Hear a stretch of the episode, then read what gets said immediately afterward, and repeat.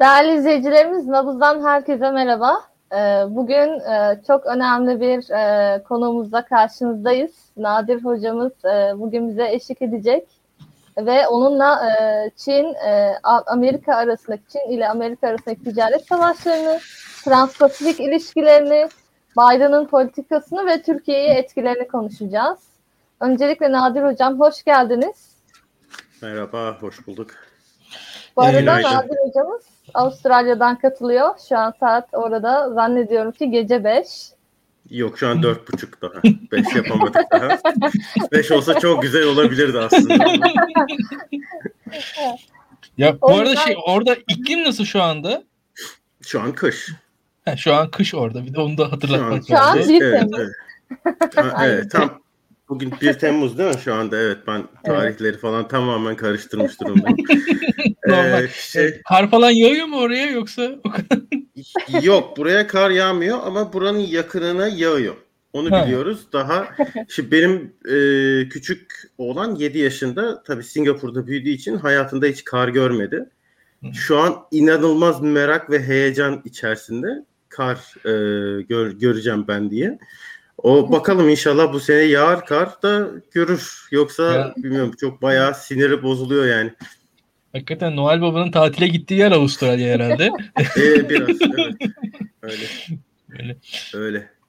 Ee, ee, şimdi ayrıca evet, sen başla. Tam, tamam. Sen başla. Şimdi e, aslında Çin ile ilgili sorulacak en temel soru belki de başlangıç sorusu bariz belli herkesin tahmin edebileceği üzere Çin'in Pasifik ilişkilerini ilerletmesi ve böl yani bölge ülkeleriyle yeni ilişkiler, yeni ticari ilişkiler kurması e, bölge ülkelerini Amerika olan Amerika ile olan ilişkileriyle ilişkileri bağlamında nasıl etkiliyor?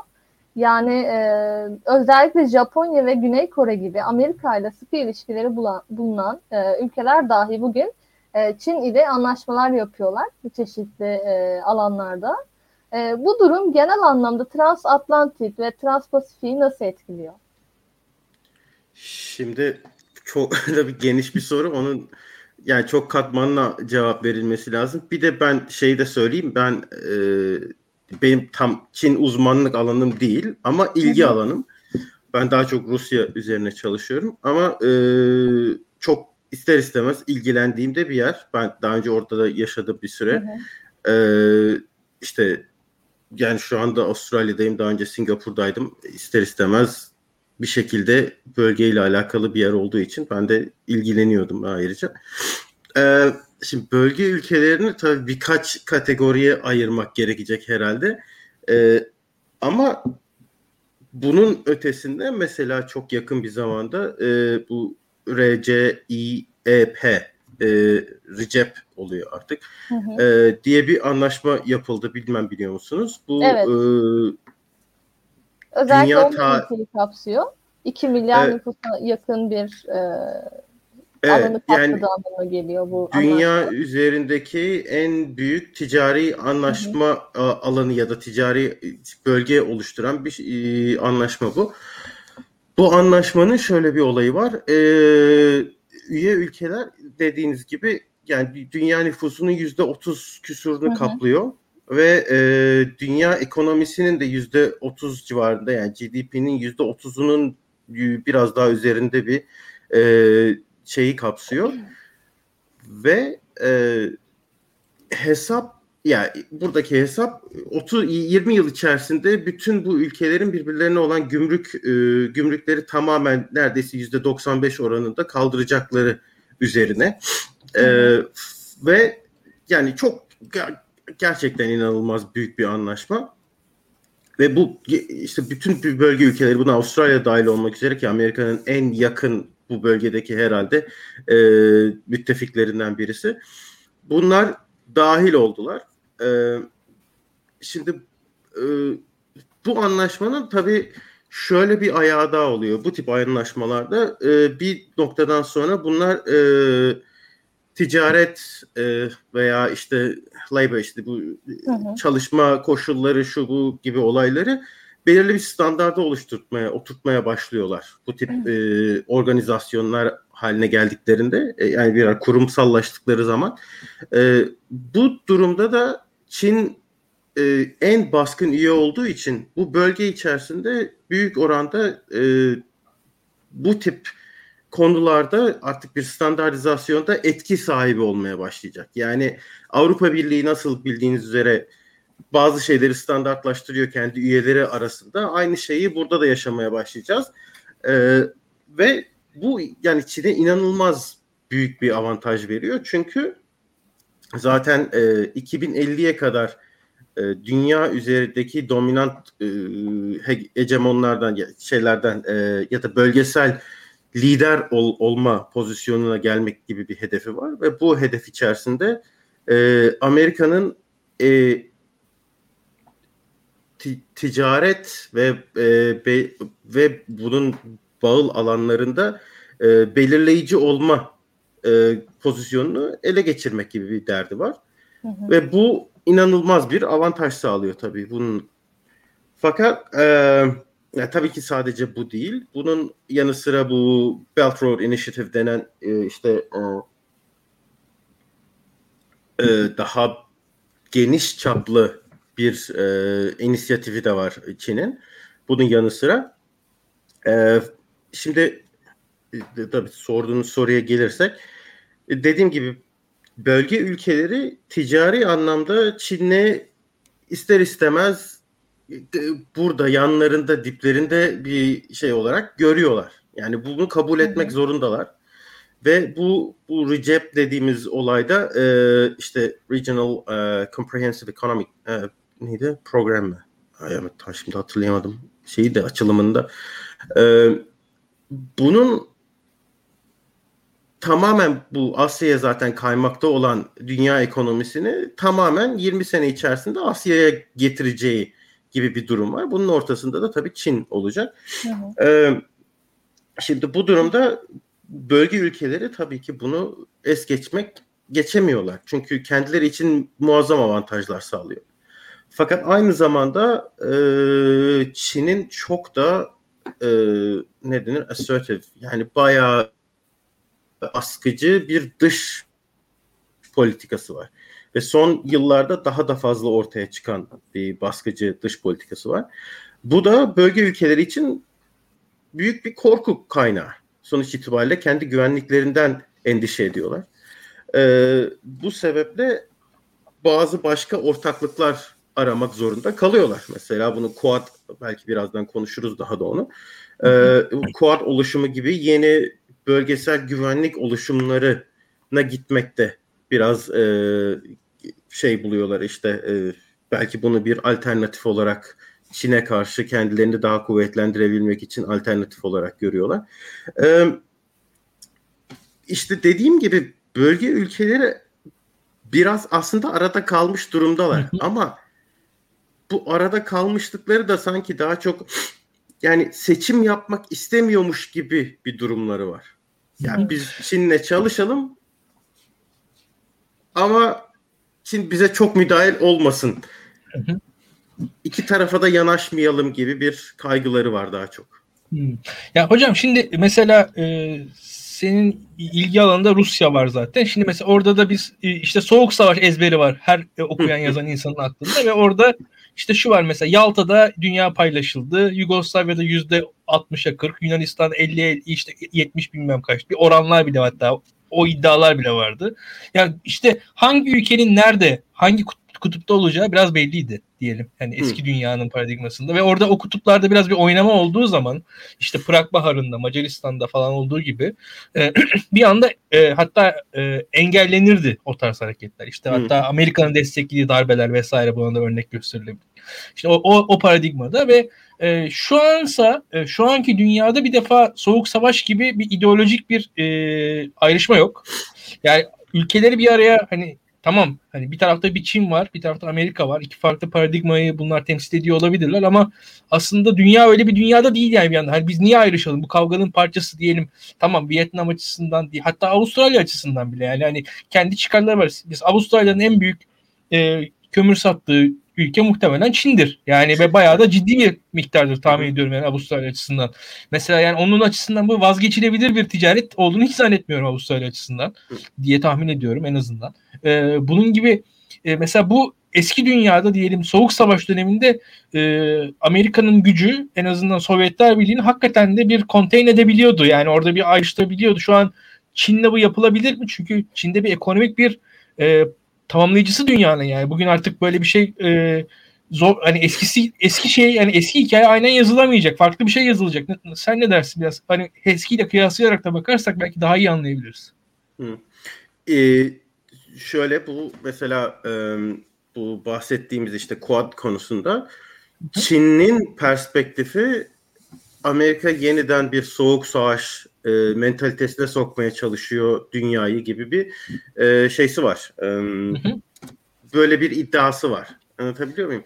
Fakat e, Quad'ın karşı söylemi de e, biz böyle bir şeye niyetli değiliz. Zaten bu e, o tip bir e, güvenlik yani NATO tipi bir güvenlik anlaşması değil. Burada bazı başka e, şeyler var ve bu e, tam olarak zaten imkansız bir şeyden bahsediyoruz. Yani soğuk savaş tipi bir olaya girebilmek çünkü yani ekonomiler bir kere ayrıydı. O, o kesinlikle bir, bir, bir yani belirli geçişkenlik vardı tabii ki ekonomiler arasında hani Sovyetler ve Sovyet bloku ve e, Amerika bloku arasında. Fakat şimdiki gibi değil çünkü dediğin gibi mesela Avustralya inanılmaz derecede e, kaynaklarını e, doğal kaynaklarını Çin'e satarak zaten birkaç mesela son 20 senede e, ekonomisindeki e, büyümenin büyük e, en önemli kaynağı orası. Ya Western Australia işte bu kaynakların en en yoğun olduğu yer. Şu an gittiğiniz zaman sokaklarının e, bile şeyi görüyorsunuz. Ne kadar para gelmiş son 20 senede. Sokaklar pırıl pırıl, çocuk parkları her yerde falan. Hani o oradaki bire birebir yaşama artık şey yapmış, yansımış bir olay. E, rahatlıkla görüyorsunuz. Çünkü o eyalet e, gelirinin belirli bir kısmını orada tutabiliyor ya. Tamamen şey yapmak zorunda değil. Vergi olarak merkeze yollamak zorunda değil. E, hakikaten bu altın kaplı yani her şey neredeyse. Öyle olmuş.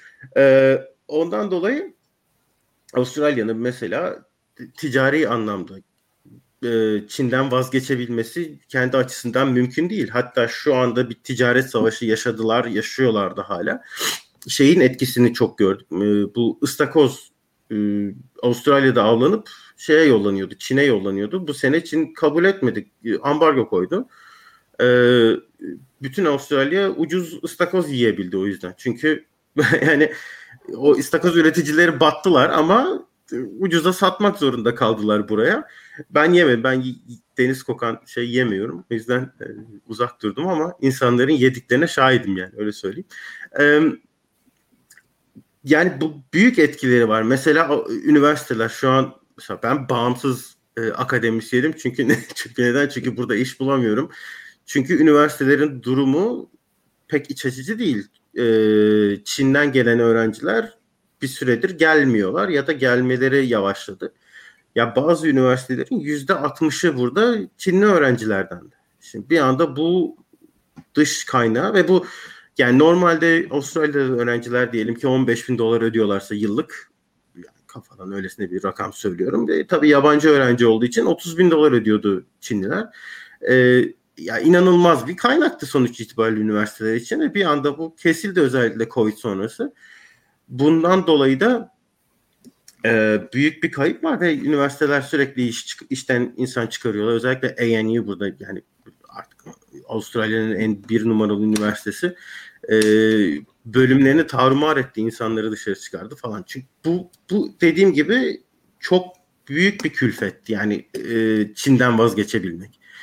Ve yani vazgeçememek ayrıca yani onunla çalıştığınız zaman size büyük artıları da olan bir şey. O yüzden de gittikçe de büyüyen artıları olan bir yer. O yüzden soğuk savaş mentalitesi içerisinde birbirlerinden ayrılmaları gibi iki kutbun bu, bu imkan dahilinde olan bir şey değil. Bu şimdi Kuat dedik, Kuat'tan bahsedelim biraz. Ee, aslında 2007 yılında, 2000 2004'te mi? 2004'te galiba öyle bir şey. Yani bu şeyden sonra kurulmuş olması lazım. Büyük tsunami'den sonra kurulmuş olması lazım. Ee, yardım amaçlı. böyle bir örgütlenmeye gidilmişti.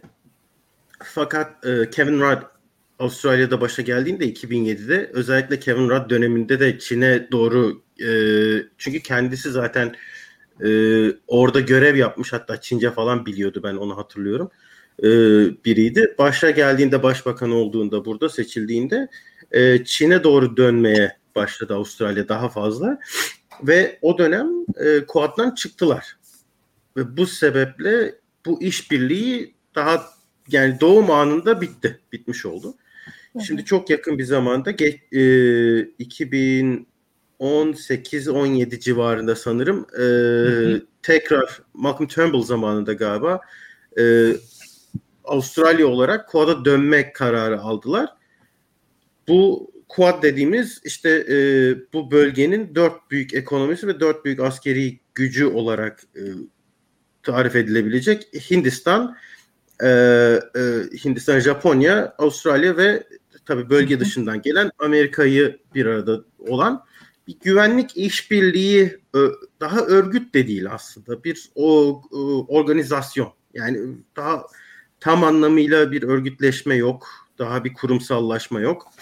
Ee, yakın zamanda bir e, geçtiğimiz Mart ayında bir işte zirve yaptılar. İlk defa tarihinde bir aktive oldular. Ve e, şöyle bir karar çıktı. E, e, serbest e, Pasifik Pasifik ve özgür ve e, serbest Indo-Pasifik diye bir karar çıktı. Yani şöyle e, demokrasiye yönelen e, örgütler, e, pardon ülkeler ve bunun yanı sıra ticaretin, deniz ticaretinin e, açık tutulduğu bir e, in, Endonezya Pasifik e, oluşturmak yani bunu sağlamak amaçlı bir organizasyon olarak düşünelim. E, bunun e, ayrıca şöyle bir karar aldılar. Mesela iki sene içerisinde e, işte bölge ülkelerine bir milyar e, COVID um, vaccination e, hikayesi. Yani işte e, aşı sağlayacaklar. Bir milyar aşının üzerinde. Bu Hindistan'da Amerika aşı üretimine geçecek falan filan gibi hikayeler. Biraz charm e, offense. Ya şey işte böyle bu hani e, yumuşak politika, yumuşak hı hı. diplomasi olarak bölge ülkelerini geri kazanmak için yapılan bir hareket gibi bir şey de oldu. Fakat bunun yanı sıra bu Quad denen örgüt e, yani şöyle amaçları NATO gibi bir oluşum bir askeri oluşumdan daha çok e, Çin karşısında bu ülkelerin toplanarak Çin'in dominant bir aktör olmasını engellemek. Yani containment ötesinde daha çok bu yani bölgeye sıkıştırma ötesinde Çin'in sadece tek başına dominant bir aktör olmasına ve burada bazı kararları alırken e, tek başına hareket etmemesine yönelik bir e, örgütlenme. E, daha tabii bunun kurulma aşamalarını görüyoruz. Daha kurumsallaşacak mı, başarılı olacak mı, hayatta kalabilecek mi bunları daha bilemiyoruz. Ee, geçtiğimiz zaten 4 sene içerisinde yani Trump dönemi içerisinde e, Amerika inanılmaz şey kaybetti burada. E, alan kendine e, kendine ne denir e, işte partnerlerini kaybetti. E, insanlarla yani buradaki bölgesel ilişkilerinde çok büyük gerileme oldu. Çünkü Trump'ın bütün e, her şeyde e, tavrı e, unilateral işte tek başına Amerika'nın e, tek başına Amerika'yı önünde tutan bir e, şeydi. Şimdi e, Biden yönetimiyle birlikte bunu bölgesel ortaklıklar kurarak ama bunu her yerde yapmaya çalıştığını görüyoruz. Yani Avrupa Birliği'nde de aynı şeyi yapmaya çalışıyor. NATO konusunda da aynı şeye geri dönmeye çalışıyor. Türkiye'yi de e, Rusya öncesi Rusya'daki Rusya ile yani Biden Putin görüşmesi öncesi Türkiye'yi mesela e, NATO'nun aslında sorun çıkarmayan bir ortağı olarak gösterebilmek mesela bence önemliydi Biden için. E, çünkü Trump'la gö- e, şey Putin'le görüşürken elini daha da kuvvetlendirecekti. Bu NATO zirvesinde Erdoğan'la yaptıkları görüşmede biraz buna e, faydalı oldu herhalde. E, işte bu multilateral çoklu çok ortaklı e, aynı şeyi burada da uygulamaya çalışıyor şu anda. Asya'da uygulamaya çalışıyor.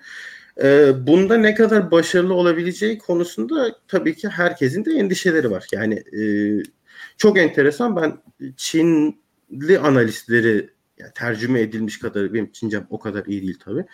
E, tercüme edilmişlerinden gördüğüm kadarıyla şöyle bir enteresan bir şey var. E, Biden'ın dış e, ilişkiler ekibine çok saygı duyuluyor Çin'de ve e, çok e, ne denir e, ya başarılı ve yetenekli insanlardan oluştuğu, kabiliyetli ve deneyimli insanlardan oluştuğu bunların bazı şeyleri yola sokabileceği inancı gibi bir durum var. Çok enteresan geldi bana bunu Çin'in Çin tarafından böyle düşünülüyor olması. Ee, ama gördüğümüz üzere geçen Mart'ta yine e, bu şeyde e, neredeydi? Alaska'da mıydı? Anchorage'da galiba bir toplantı oldu. Çinli e, yetkililerle işte Amerikalıların büyük bir zirvesiydi ve birbirlerine neredeyse hakaret ederek başladılar. E, Amerika direkt e, Uygur sorunundan falan bahsetti. Çin'de e, siz kendi siyahlarla olan sorunlarınıza bakın. Ondan sonra konuşun. Sizin artık konuşmaya hakkınız yok bu konularda diye bir şeyde bulundu. Şimdi bir de bu tabii Amerika'nın buradaki diğer şimdi e, özgür ülkeler e, hikayesini de biraz anlatan bir durum. Yani demokratik ülkeler bir araya gelecekler falan e, hareketi. Bunun bazıları tarafından bölge açısından mantıklı olmadığı gibi bir algı var. Yani sonuç itibariyle yine Soğuk Savaş dönemi gibi Avrupa'sının demokrasi ve işte Sovyetlerin e, Iron Curtain ülkeleri falan gibi değiliz. Çünkü aslında bölgede Amerika ile birlikte çalışabilecek ülkelerin bir kısmı da zaten e, öyle demokrasi falan değiller.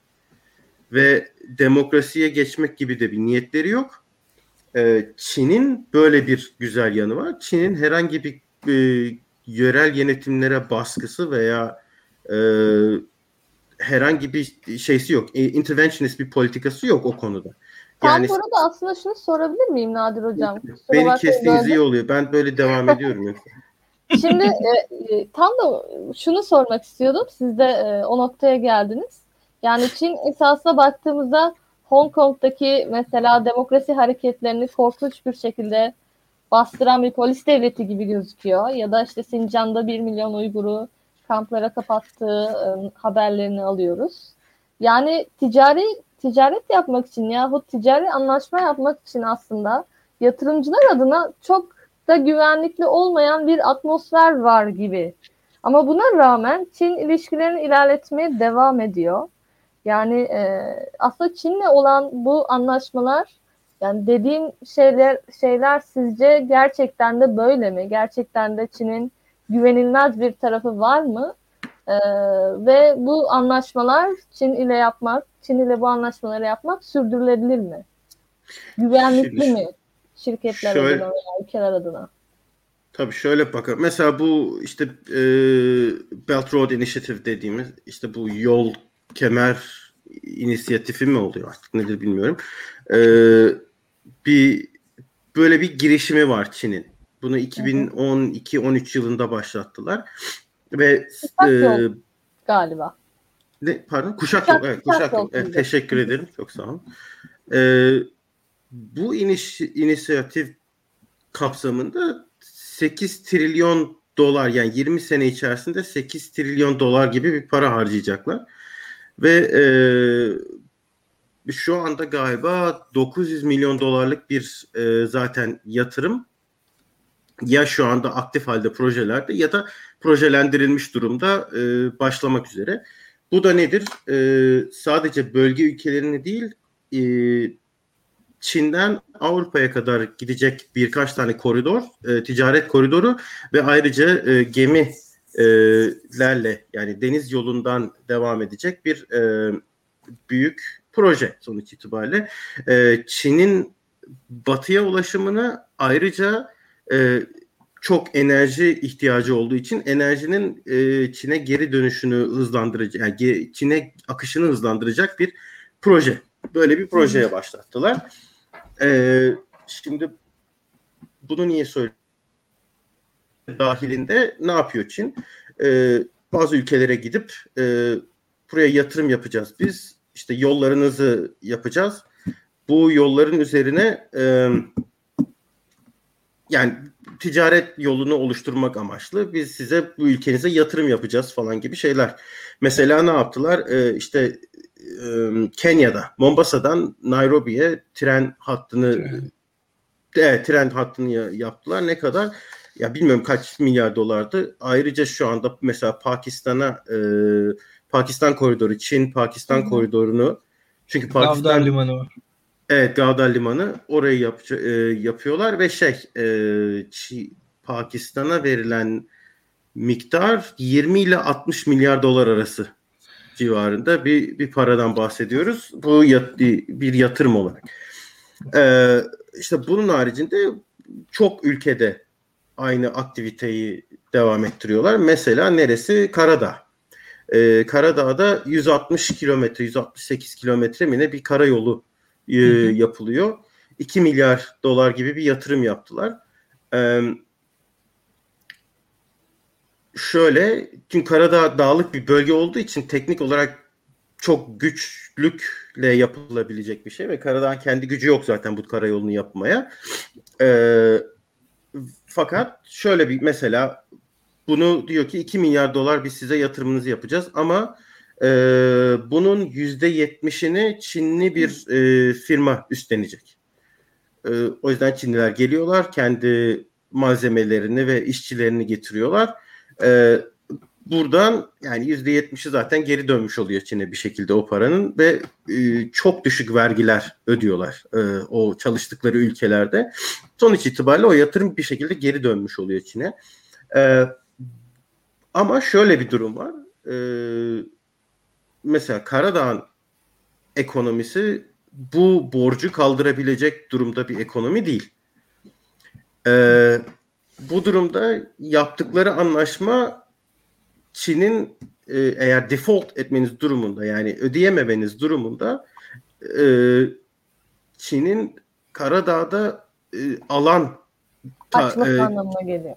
Alan açması değil ciddi anlamda orada toprak alabilmesi. Yani, Evet yani Bilmiyorum. toprak hakkı tanıyor. Ona bile hak tanıyor.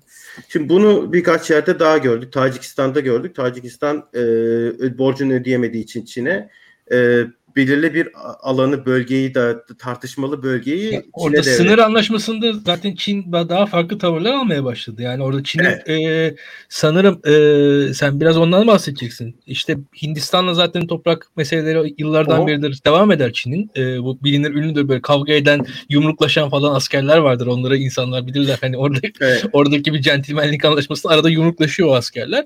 Ona benzer e, çatışmaları Çin'in aslında şeyle o Tacikistan'da da var ve yani Çin orada e, resmen e, iki ülke arasındaki toprak meselesinde bir ülke diğerinin kolunu büktü. Bu çok acayip bir şey. Yani bu bu klasik olarak hani uluslararası ilişkilerde mesela Türkiye ile Yunanistan arasında mesela yani biliyoruz biz kendi yaşadığımız e, bu kadar net bir toprak meselesi bile değil. Çok daha vague, daha geleneksel mesela kıta sahanlığı meselesi var. İşte 12 mil meselesi var mesela düşünün.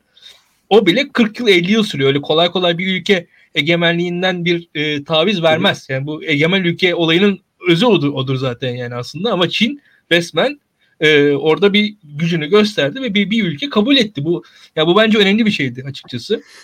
Yani ve şey Çin'in e, kendi e, uluslararası ilişkilerdeki konumunu anlamak açısından biraz da şeyden dolayı söylüyorum hocam. E, yani işte Çin e, işte zamanında Tayvan meselesi vardı. Yani hani kendisi tanınması bile meseleydi. Birleşmiş Milletler'e girmesi bile meseleydi. Biraz daha iyice eskilere gittim ben de. Ondan sonra BM'ye üye oldu. E, işte şey haline geldi. E, daimi üye haline geldi tamam ama uzun süre e, doğru düzgün oy kullanmadı Çin. Yani hmm. hep çekimser, hep çekimser. Yani bir şekilde hep içine kapanmış bir ülke olarak kaldı.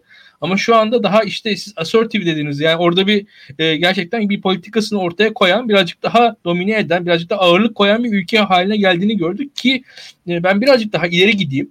E, ben e, şimdi yanlış olmasın ama Zbigniew Brzezinski'nin bir kitabında Çin'e dair şöyle bir şeyden bahsediyordu. Çin'in en büyük zaafının dış ticarete bağımlılığından. Ee, yani mesela Amerika ile kıyasladığınız zaman Amerika hiç dış ticaret yapmasa da ekonomisi gene büyük bir ekonomi. Yani iç pazarıyla, kaynaklarıyla vesaire büyük bir ekonomi. Enerji kaynakları falan var Amerika'nın mesela. Ama mesela Çin açısından Çin gerçekten de dış ticarete e, hem dünya Çin'e bağlı dedik ya az önce. Çin de dünyaya bağlı. Yani Çin de Avustralya'ya bağlı bir açıdan işte bu kömürüne bağlı yani hani ve e, Çin açısından da Çin'in işte e, önemli limanları var. Dünyanın en büyük limanları şu an Çin'dedir diye tahmin ediyorum yani artık bu Rotterdam falan da geçti. E, orada işte zaten siz kendiniz hayatınızda yaşadığınız o e, konteyner sıkıntılarını falan benden iyi biliyorsunuz. Hayatınız içerisinde var olmuş şeyler. Evet. hani Singapur'dan taşınamadınız. Ya yani orada şöyle bir şey var. Bu Belt Road Initiative'de e, Çin'in bir defa o limanlarına limanlarının kırılganlık yarattığını Zbigniew Brzezinski kitabında anlatıyordu. Yani 10 yıl önce falan 15 yıl önce okumuşumdur yani hani. E, ve e, az sayıda limana çok ciddi bir e, yükün bindiği ve bu limanların Çin'in kırılganlık noktası olduğundan bahsediyordu. Hatta orada bir hmm. e, fantastik olarak e, işte e, nükleer mayınlar konsa bu limanlara falan o tarz şeyler bile ya, okudum ben yani çok fantastik şeyler de yani ama yine de tehlike yani orası kırılganlık gösteriyordu. E, ve e, bir şey daha ekleyeyim ben. Şimdi biz hani kuşak yol projesi diyoruz Türkçe'de. E, ama bu kuşak yol projesi hani e, ilk başta e, bir kuşak bir yol projesi ve şimdi bir hmm. kuşak bir yol projesi e, esa başka bir anlamı da var. Yani orada e, sonuçta Çin'in dominantlığını da o bir kuşak bir yolda o Çin'in dominantlığını gösteren bir şey. Hatta bunu e, Türkiye'de bu e, Japon Büyükelçisi söylemişti. E, Japonya'nın o şey demiş ya Çin bu tepkiler üzerine kuşak yol bir kuşak bir yol projesini kuşak yol diye çevirdi ama Çince metinlerde bir kuşak bir yol diye devam ediyor. Evet. Yani o e, Çin'in benden daha iyi bilirsiniz siz. Yani tarihinden beri gelen şeydir hani medeniyet merkezi olarak Çin onun dışında daha az medeni birkaç ülke, onun dışında daha da az medeni birkaç ülke diye bir dünya bakışı vardır. O aslında kuşak yolun içerisinde o bakıştan da nüveler olduğu söyleyenler var. Tabii bu yani birazcık şey hani anakronik bir okuma da yani eğlenceli oluyor öyle okumalar öyle söyleyeyim ben. Ee, ne dersiniz? Şimdi e, bu esasında e, Deng Xiaoping zamanında Çin e, yani ne 80'ler bu dünyaya açılma projesi başladığında Deng Xiaoping'in politikası şuydu. Dışarıya karşı herhangi bir e, şey yani bir politika yoktu. Hani bu çekinsel oy kullanma falan hikayesi de biraz da ondan.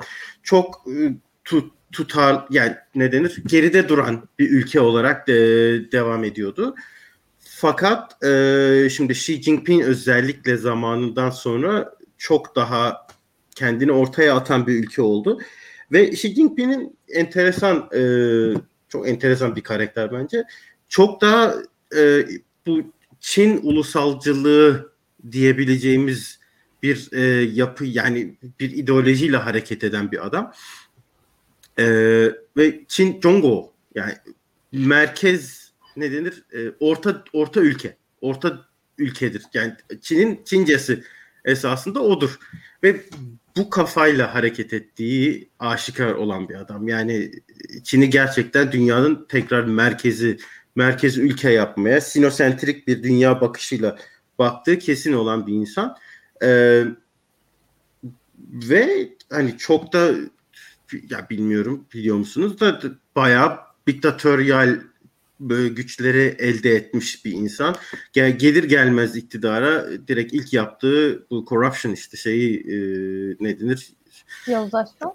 Yozlaşmayı işte engelleyeceğim ben diyerek e, bütün e, kadroları desime etti. Kendi adamlarını yerleştirdi. Genelde zaten bu Sovyetlerde falan da olan bir şeydir bu. Andropov falan geldiği zaman direkt corruption'la ben e, mücadele ediyorum diyerek şey yapmıştı. E, bütün böyle top liderliği ya şey Brejnev'den kalan adamları hepsini gönderdi. Hatta bu Özbekistan e, pamuk meselesi vardır çok meşhur milyarlarca e, ruble dolandırmışlar falan filan da neyse hikaye o değil. E, hatta Brejnev'in kızı Galina e, Brejneva ve kocası e, Çubanov falan onlar Çubanov hapse girdi falan o dönem. E, neyse işte damadı. E, öyle bir şey yaptı ve iktidarını pekiştirdi sonuç itibariyle Çin'de e, e, Xi Jinping. Ondan sonra zaten onun döneminde bu tek yol tek şey başladı ve Çince'de hakikaten öyle yani e, tek yol e, tek kuşak olarak geçiyor.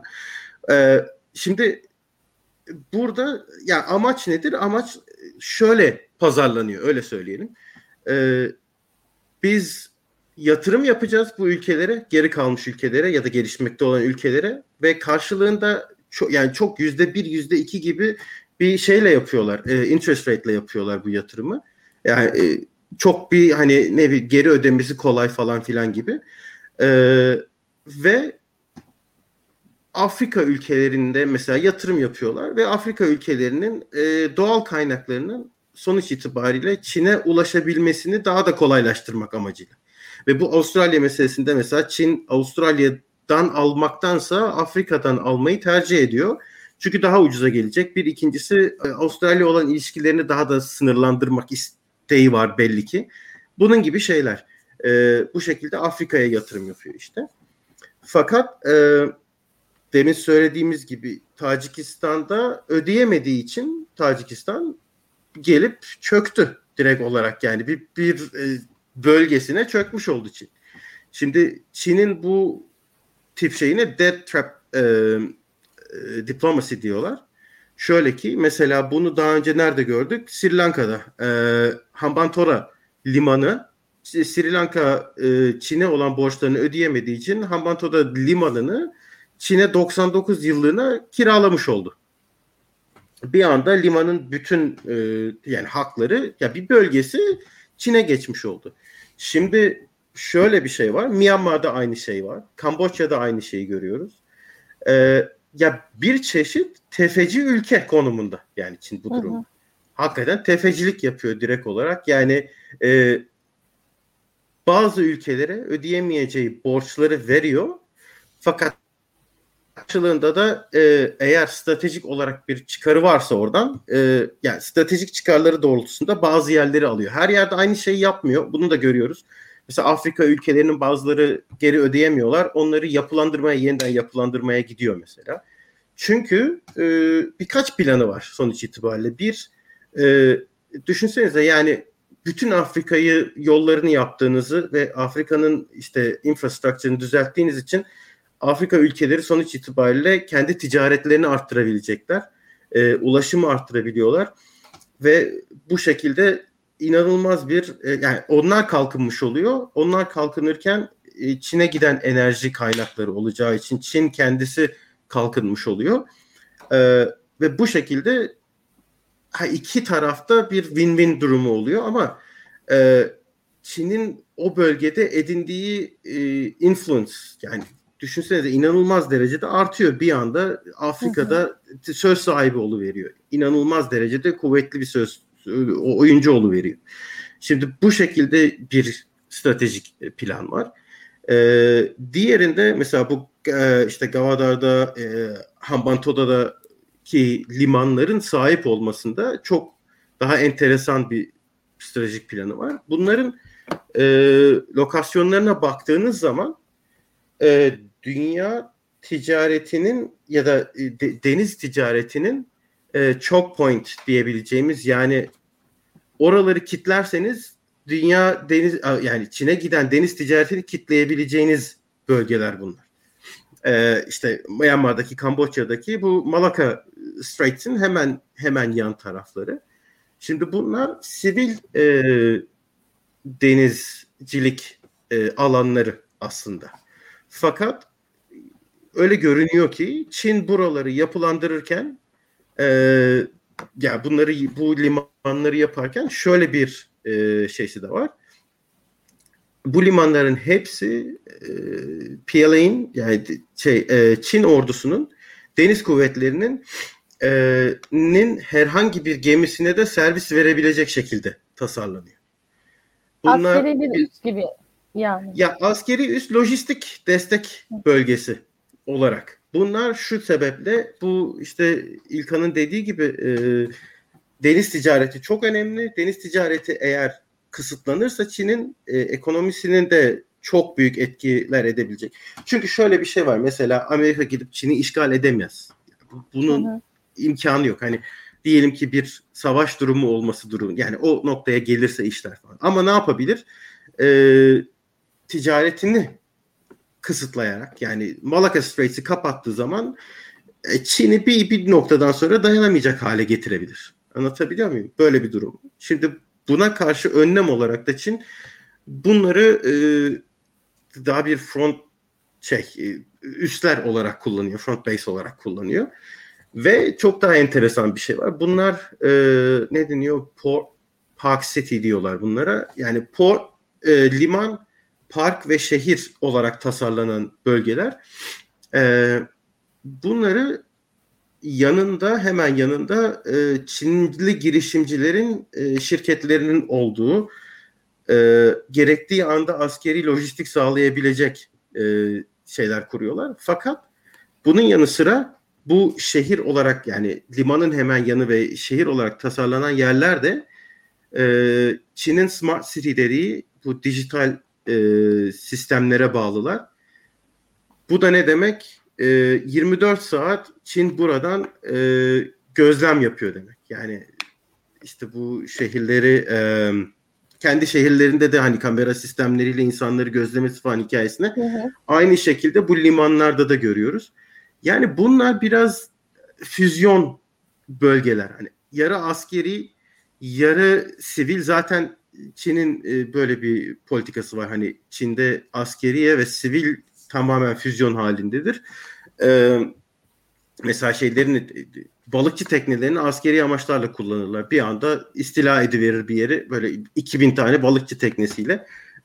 Şimdi nasıl çıkaracaksınız o insanları? Tamamen askeri amaçlarla kullanıyor. Ee, bu böyle şeyler yapıyor. Yani ileri karakollar İlkan şey kapalı. Sesin kapalı. E, bu askeri amaç balıkçı teknesi dedin. Bu Güney Çin denizindeki mercan kayalıkları hakkında biraz birkaç şey söyle. Çünkü e, izleyicilerimiz belki bilmeyenleri vardır o işleri. Yani hani e, burada Güney Çin Denizi ve Güney Çin Denizi'ndeki kaynaklar üzerinde orada birçok ülke arasında mesele var. Amerika buradaki o ufak tefek ülkelerin yanında durmaya çalışıyor gördüğüm kadarıyla benim.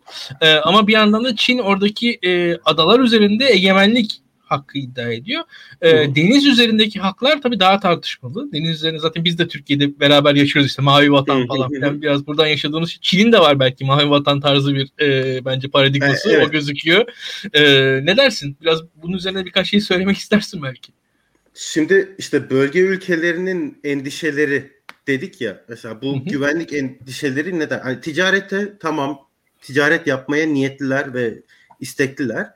Fakat bu işte demin anlattığım gelip çökmesi Çin'in bazı bölgelere ya da Hindistan'la olan mesela Hindistan'ın KOA'da katılmasının esas sebebi bu 2020'deki işte şey e, yumruklaşma hikayesi var ya ya bu oluyor. Bu daha önce de oldu biliyoruz. E, işte birkaç yerde daha oldu. İşte Çumar'da oldu galiba. Doklam'da oldu. Bu, bu şeyde sınır çatışmaları oluyor. Ama bu geçen seneki çok büyük oldu ve Hindistan'ın müthiş kaygılandığı bir olay oldu. Ee, ayrıca Çin'in Çin'in şöyle derler e, son Pakistanlı'ya kadar Hindistan'la savaşacak diye bir söz var Çin için. Yani Pakistan'ı bir e, vasal olarak artık zaten sahiplenmiş durumda Çin ve Pakistan yol aracılığıyla Çin'e saldırıyor. Yani hı hı. böyle bir e, olayı var. Şimdi bu dediğim gibi bir assertiveness yani bu işte bu bir yerlere çökmesi bir. İkincisi sınır tartışmaları, çatışmalarını büyütmesi iki. Ve e, üçüncü olarak da e, bu işte şey adaları dediğin senin mercan adaları bu doğu e, şey South China Sea işte güney e, Çin denizi. Çin. Çin denizindeki adalara gelip çökmesi. Ada da değil aslında kayalık büyük çoğunluğu kayalık olarak geçiyor zaten. Hı hı. O yüzden deniz hakları yok. Ya bazı Fakat, deniz seviyesinin altında hatta yerler varmış. Tabii yani tabii öyle tabii öyle. Ama ne yaptı? Geldiler kum döktüler. Ada haline getirdiler bu bölgeleri ve askeri e, üsler kurdular. Ya bir değil beş değil hatta yani bütün hepsinde şey var e, işte havaalanları iniş kalkış yapabilecekleri falan ve e, Filipinli mesela askeri uçak e, ya da uçaklar geçerken uyarı alıyorlar bu adalardan. Nedir? E, şey bölgesindesiniz. Çin'in e, hava sahasındasınız. Çıkın diye. Fakat adaların yerine baktığın zaman Filipinlerin dibi. Yani zaten tarihi olarak o adalar bilindiği kadarıyla Filipinlerin uluslararası mahkeme o adaların Filipinlere ait olduğuna karar verdi. Fakat Çin bunları tanımadı. Hatta şöyle ben e, benim bir albay arkadaşım vardı PLA'de işte Çin Çin ordusunda. Onunla bu konuyu konuşuyorduk. Şey e, bana şöyle bir anekdotu anlattı. E, vaktiyle Imelda Marcos e, şeye gelmiş işte Çin'de bir ziyaret sırasında e, Deng Xiaoping'e galiba demiş ki e, bu adalar bize çok yakınlar. Nasıl bunlar da hak iddia edebiliriz? Yani nasıl böyle bir şey düşünürsünüz gibi bir şey söylemiş. E, Deng Xiaoping de cevap olarak Filipinler de Çin'e çok yakın isterseniz onu da düşünelim demiş. Yani böyle hani sizde böyle de baskı kuruyor sonuç itibariyle. Şimdi tek başına Filipinlerin e, Çin'le başa çıkabilmesi gibi bir durum yok. imkan yok askeri evet. anlamda. E, bu adaların da şöyle bir olayı var. Bir enerji kaynakları dediğin gibi bölgedeki enerji kaynaklarına e, yani işte çok üzerinde enerji kaynaklarının üzerinde e, vakti geldiğinde bunlar çıkartılabilir. Hatta Çin muhtemelen yatırımından da yani çok uzun vadeli bir yatırıma da göze alıp bu kaynaklara ulaşmak için uğraşabilir. E, bir diğer olay da dünya ticaretinin bilmem kaçı oradan geçiyor sonuç itibariyle. E, bu sefer de Çin o bölgede dünya ticaretine engel olabilir. Yani gemilerin geçmesine engel olursa bu sefer e, Pasifik trafiğini tıkamış oluyor bir şekilde. E, Pasifik trafiğini kontrol altına almış oluyor. Bir de Tayvan olayına tabii yani bir şekilde Tayvan'ı da çevrelemiş oluyorsunuz bu şekilde. E, böyle şeyler yapıyor. Yani işte geldi çöktü sonuç itibariyle adalara ve 2000 aslında onların en büyük olaylarıydı bunlar. E, yani bence hani geleceğe dair e, dünya şeysinde e, jeostratejik ne bileyim geleceğinde çok önemli bir vakaydı ve geldiler çöktüler. E, şimdi işte Japonya ile bazı adalarla ilgili yine tartışmaları var. Vietnam'la aynı şekilde, e, şeyle aynı şekilde, e, işte Brunei ile aynı şekilde bu adalarla ilgili olarak e, tartışmalılar. Ama çıkmıyordu. Ya bir de biz mesela Türkiye olarak da biraz tecrübeliyiz. Mesela biz bizim hep Yunanistan'da bir dogfight olur, iddialaşı yapılır. şimdi e şimdi bir yandan bu iddialaşı yapılıyor. Türkiye Yunanistan yine belli hava kuvvetlerinin boyutları birbirine yakın ülkeler. Yani Hı-hı. bunlar tamam hani Türkiye daha büyük de yani sonuçta yakın ülkeler. İşte hatta biz bile e, işte İHA SİHA falan kullanmaya başladığımız zaman bile bir asimetri çıktı falan deniyordu Türkiye ile Yunanistan arasında. Doğru.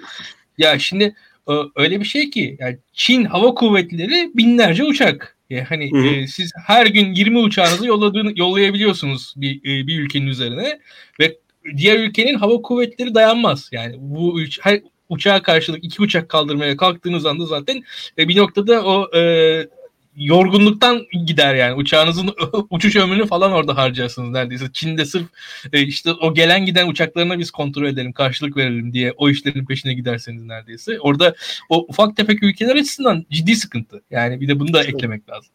Yani çok büyük sıkıntı ve e, şimdi Çin'in bir de şey gibi bir olayı var. Bu mesela sınırına yerleştiği yerde e, sınırın en uç kısmına kadar gelip oraya inşaat yapıyor mesela. Ondan sonra yavaş yavaş o sınırı geçiyor ve kendi bölgeniz içerisinde inşaatlara başlıyor. Şimdi bu durumda tabii işte dediğin gibi bölge ülkelerinin e, başa çıkabilmeleri çok yani çok zor bir şey çünkü Çin sonuç itibariyle ve hani kaç milyon iki buçuk milyon mu? Milyar. Yok iki buçuk milyon askeri gücü o. Yani sadece asker olarak askerde olan insan sayısı itibariyle öyle bir öyle bir şey var. Ee, bir de tabii bu işte e, e, nedir? E, Anti-Access Area Denial dediğimiz yani bir bölgeye girmeyi engelleyen silah tiplerini geliştirdi. Bu mesela Dongfeng HI diye bir balistik füzesi var. Nedir? Doğu Rüzgarı 21. Böyle bir füze ismi. Zaten füzelerin genelde Dongfeng oluyor isimleri. Şey, e, bunun olayı nedir? Tamamen Amerika'nın e, Uçak güç projeksiyonu uçak gemilerini tespit edip batırarak güç projeksiyonu yapmasını engellemek üzere tasarlanmış bir silah tipi. Hani ne kadar başarılı ne kadar başarısız bunu tam emin değiliz daha test edilmiş şeyler değil tabii bunlar. Tabii Amerika'da karşı e, stratejilerini geliştiriyor falan bir şeyler var ama sonuç itibariyle bu tip silahları yani herhangi bir bölge deniz kuvvetinin bunlarla başa çıkabilmesi de kolay değil. O yüzden işte bu Spratly Island e, bu adalardaki sorunlarla ilgili olarak çok karşı durabilecekleri tek başlarına karşı durabilecekleri bir durum yok. Bu yüzden ya, bu Quad Hocam şöyle söyleyeyim ben size. Bundan 10 yıl önce Çin Deniz Kuvvetleri'nin 10 yıl sonra şu noktada olacağını söyle, söyleyenlere hani radikal falan denirdi herhalde. Zannetmiyorum yani bu şu anki e, gemi üretme hızları vesaire bilmiyorum yani Harika. bana e, açıkçası şey hani bu tartışmalarda hani en iyi misallerin dedikleri şeylere ulaşıldı yani ve burada hı hı. tüm tahminler aşıldı. Ee, aşıldı sürekli evet. yani sürekli gemi üretiyorlar ve yani bayağı da iyi gemiler çok, söyleniyor. E, çalıyor teknolojiyi çalıyor çünkü rahatlıkla şey yok. E, research and development yapma olayı yok. Kendine entegre ediyor çaldığı teknolojiyi. İşte yani Rusya'dan işte gemi alıyor. Ondan sonra işte biz var ya şey... boğazlardan geçti gördük zaten yani. yani kendimiz işte yaşadık. Sonra, 3 sene sonra kendi gemisini oluşturacak reverse teknoloji şey yapıyor, reverse engineering falan yaparak bunları elde ediyor. Böyle bir rahatlığı ve böyle bir kolaylığı var tabii. Ee, çok kuvvetlendi fakat tabii Çin de sorunsuz bir yer değil. Hani bu kendi içerisinde çok fazla sorun olan bir şey. Mesela diyorsun gemi e, üretimi falan. Fakat Çin'in kendi iç güvenlik e, harcamaları dış güvenlik harcamalarından çok daha fazla şu anda. E, çünkü de, yani otoriter bir devlet ve o otoriter yapıyı koruma gayreti içerisinde. Mesela bu e, şey konusunda e, e, Uygurlar konusunda.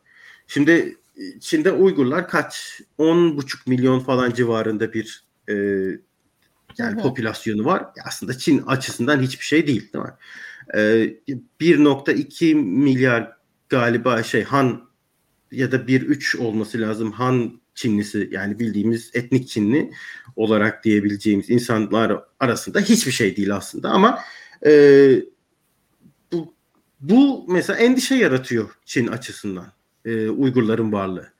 Yani, ama mesela Hui Çinlileri var. Bunlar da Müslümanlar. Bunlar da aynı 10 milyar, 10 küsur milyar civarında. Bunlara herhangi bir baskı, herhangi bir şey yapılmıyor. Neden? Çünkü bunlar Çince konuşan, e, Han Çinlilerine çok daha yakın olan insanlar. Ben mesela Uygurlarla Çin'de karşılaştığımda bir keresinde şöyle bir şey olmuştu. E, kadın kaç yaşında yani 30'larında falan e, Çince bir belge getirdiler önüne. Ben bunu okuyam okumam. Niye ne öğreneceğim ki bunu demişti bana. Bana dönüp. Yani Çince öğrenmemiş mesela. Orada orada eğitim görmüş. E, orada okula gitmiş falan filan ama öğrenmemiş. Gayet Türkçe yani Uygur Türkçesiyle konuşuyor. Ee, Çince konuşabiliyor fakat yani yazıyı falan öğrenmemiş. Bunlar e, Çin tarafından şey olarak görülüyor. Yani bir tehdit unsuru, bir ayrılıkçı bir tehdit unsuru olarak görüyor. Hui Çinliler de Müslüman olmasına rağmen mesela onlara herhangi bir baskı yok. Herhangi bir e, hatta Deng Xiaoping'den, eş pardon şeyden, e, Xi Jinping'den önceki e, genel sekreter e, şeyin e, başbakanın e, başbakan yardımcısı Hui Çinlisiydi. Yani hmm. Müslüman kökenli falandı. Bunlar çok entegre oldukları için o ülkeye yabancı olarak görülmüyorlar mesela. Böyle bir olay var. E, bu tip ufak tefek e, şeyler bile endişe yaratıyor Çin'de. Güvenlik endişesi çünkü çok çok fazla. Yani partinin özellikle güvenlik endişesi çok yüksek ve e, şey gelir dağılımı mesela çok önemli bir soru. E, şimdi Çin'de e, işte ne denir şehirli e, insan sayısı 900 milyon civarı.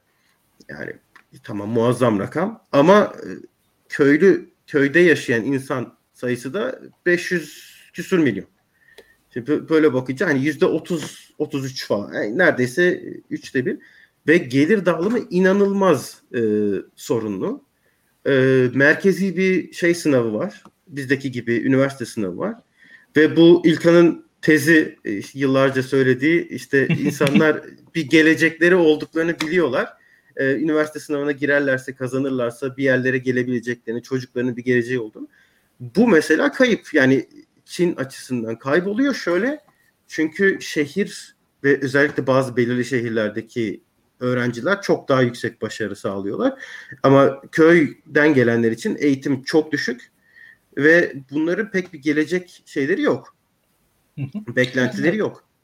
Ya tabii burada şeyi eklemek lazım. Çin 20. yüzyılın neredeyse yarısını iç savaşla geçirdi. Yani öyle bir evet. ülke. Bir yandan Hı. hani bizim için e, işte çok kapalı rejim, otoriter, her şey çok işte düzenli nizamlı ama bu ülke yani 20. yüzyıl hayatının yarısını iç savaşla geçirdi. Yani warlordlar dönemi diye bir şey var yani hani savaş lordlarının olduğu e, ülkeler hani askerlerin bir generalin bir şehri diğer generalin diğer şehri yönettiği bir dönem var. Bu yani bunu düşünmek lazım yani. Bunu bu böyle Çin gibi yaşamış dünyada bu kadar uzun süre yaşamış bir ülkede yani belki yani Afrika ülkelerinde falan vardır. Bilmiyorum yani en azından e, işte Sovyetler Birliği iç savaş birkaç yılda hallettiler. Yani o kendi iç savaşlarını birçok ülkeye yani yaşadığı veyahut da işte atıyorum biz işte Türkiye Kurtuluş Savaşı, Çerkezeten falan filan anında halledildi bazı şeyler. Yani o iç savaş halleri e, ancak işte çok e, düşük ülkelerde olabiliyordu. Yani çok ufak ülkelerde belki de daha ama Çin gibi bir ülke yaşa, yaşamadı yani açıkça söyleyeyim ben yani. Bence önemli bu.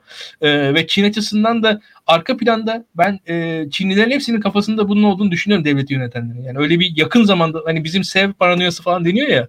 Çin açısından da böyle bir şey var. Yani orada bir bölünmüş bu ülke zamanında. Bölünebilmiş yani bir şekilde. O bence önemli ki e, şunu da eklemek lazım işte, işte kadın erkek nüfus farklılıkları, e, demografi sıkıntıları var. İşte tek çocuk politikası neticesinde en, en çok hızlı yaşanan bir ülke Çin. E, geleceğinde böyle sıkıntılar falan da var. E, ya açıkçası e, nadir son bir e, Ay Yüce de bir soru sorsun da öyle bitirelim artık yayınız. Bir saat oldu biz daha uzun konuşacağız gibi. Yani. Ben... Çünkü ben de şu an şeyi hissettim. Yavaş yavaş Çin tarihi falan konuşma hevesi gelmeye başladı. Ben yayın ilerledikçe. Bende de, bende de var şu anda. şimdi sen, şimdi sen şey deyince Pardon devam et. Yok yok dinliyorum dinliyorum hocam buyurun lütfen. Yok şey diyecektim ben bu sen mesela 20. yüzyılı e, isyanla geçirdi falan diyorsun ama Çin biz şimdi şöyle bir algı var ya işte 5000 yıllık ülke gibi bir algı var ya. Aslında 5000 yıllık bir ülke değil. Aslında birkaç ülke. Yani bu devamı süresince ve e, merkez otoritenin sarsıldığı anda inanılmaz yıkım yaşayan bir ülke ve bunu tekrar tekrar yaşamış olan bir ülke. 19. yüzyılda mesela Taiping şeysi var, isyanı var ki ya dünya tarihinde yaşanmış en büyük yıkım esasında şeye vurursan e, orana vurursan e, şeyden daha fazla insanın öldüğü bir olay. E, İkinci Dünya Savaşı'ndan daha fazla insanın öldüğü bir olay mesela. E, dediğin gibi bu Warlord dönemi var falan. Yani merkez otorite kuvvetli kalması gerektiği kanaatinde her zaman Çin'de. Eğer o kuvveti kaybedersek çünkü Çinler bir de tarihine çok düşkün insanlardır. Ee, biraz konfüçyünist biraz şeyden tarihlerini öğrenmek ve bilmek ve ondan ders çıkarmak üzerine çok e, kafa yoran insanlardır. Bu tarihleriyle ilgili eğer merkezi otoriteyi kaybedersek ülke tamamen dağılır gibi bir korku, bir paranoya var. O sağlam derecede var ve e, yani şey etkisi de büyük bunun Çin için.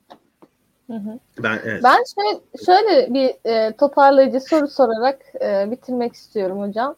E, ee, ABD ile Çin arasında yaşanan e, ticaret savaşları e, yakın zamanda da karşılıklı gümrük vergileri getirerek e, sonuçlandı esasında.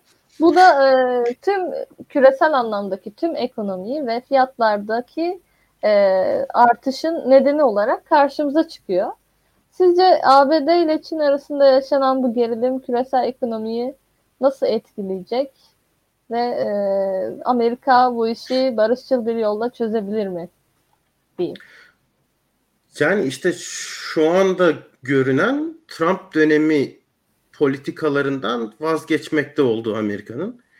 Daha çok tek taraflı siyaset gütmektense e, bölgedeki partnerler, bölgede partnerler e, birlikleri oluşturmak, bunlara öncülük etmek. E, hat şöyle bir e, önemli hedef var. Teknoloji Çin'e olan teknoloji akışını e, kesmek gibi bir gayret var. O hatta Quad'ın önemli şeylerinden biri. Bir de mesela bu işte iPhone'un üretildiği Çin'de iPhone üretiliyor. 600 küsur dolar diyelim bunun en ucuz şeysi. E, Çin'e bıraktığı gelir 25 dolar civarında bir şey. Bunun 250 doları şeye gidiyor. Tayvan, Japonya ve Kore'ye gidiyor. Çünkü e, esas e, içerisindeki mikro zımbırtılar Harika. şeyden geliyorlar. Tabi buralardan geliyorlar. Bu akışı durdurmak e, ile ilgili bazı planlar var. E, sonra e, bu işte e, şeyin e, tek noktada e, üretimin tek noktada artık Çin'de e, tamamen merkezileşmesindense e, bunu daha çok başka yerlere aktarabilme, yayabilme. Hatta şöyle bir şey var. Amerika'da e, üretimci sayısı artıyor. Bu da enteresan bir şey. E, fakat Çin'de üretim, sanayi üretimi yapan insan sayısı düşüyor. Daha çok servis endüstrisine kaymaya başladılar. Öyle de bir ticari şeyleri var yani ekonomilerinde de dönüşüm yaşanıyor. E, bunun uzun vadede tabii yani şu an şu an bir ticaret savaşı şeklinde devam edeceği kanaatinde değilim ben. Daha çok e, dediğim gibi güvenlik anlamında ve demokrasi anlamında daha çok sıkıştırmaya çalışacak Amerika Biden yönetimi tarafından. E, fakat işte Çin'in bu sefer bölge ülkelerine yaptığı ambargolar e, işte bu Avustralya'ya uyguladığı yani güç göstermek amacıyla bazı e, ambargolar falan gibi şeyler yüzünden bölgesel fiyat olayları tabii ki yaşanacaktır. E, hatta uzun sürede yaşanacak gibi geliyor bana. Hı-hı. Benim diyeceklerim bu kadar. Bir saate de geçtik. Evet. Yani daha da, daha da konuşuruz. Yalnız saat gece orada beş buçuk oldu. Saat beş Daha fazla da Daha fazla da sizi yormayalım Nadir Hocam. Çok teşekkür ederiz programımıza katıldığınız için. Ben. Ee, aynı zamanda da videomuzu beğenip paylaşmayı, kanalımıza abone olmayı unutmayın diyerek bir YouTuber edasıyla veda etmek istiyorum. Ee, herkese bir sonraki Nabız programında görüşmek dileğiyle. Hoşçakalın. Hoşçakalın.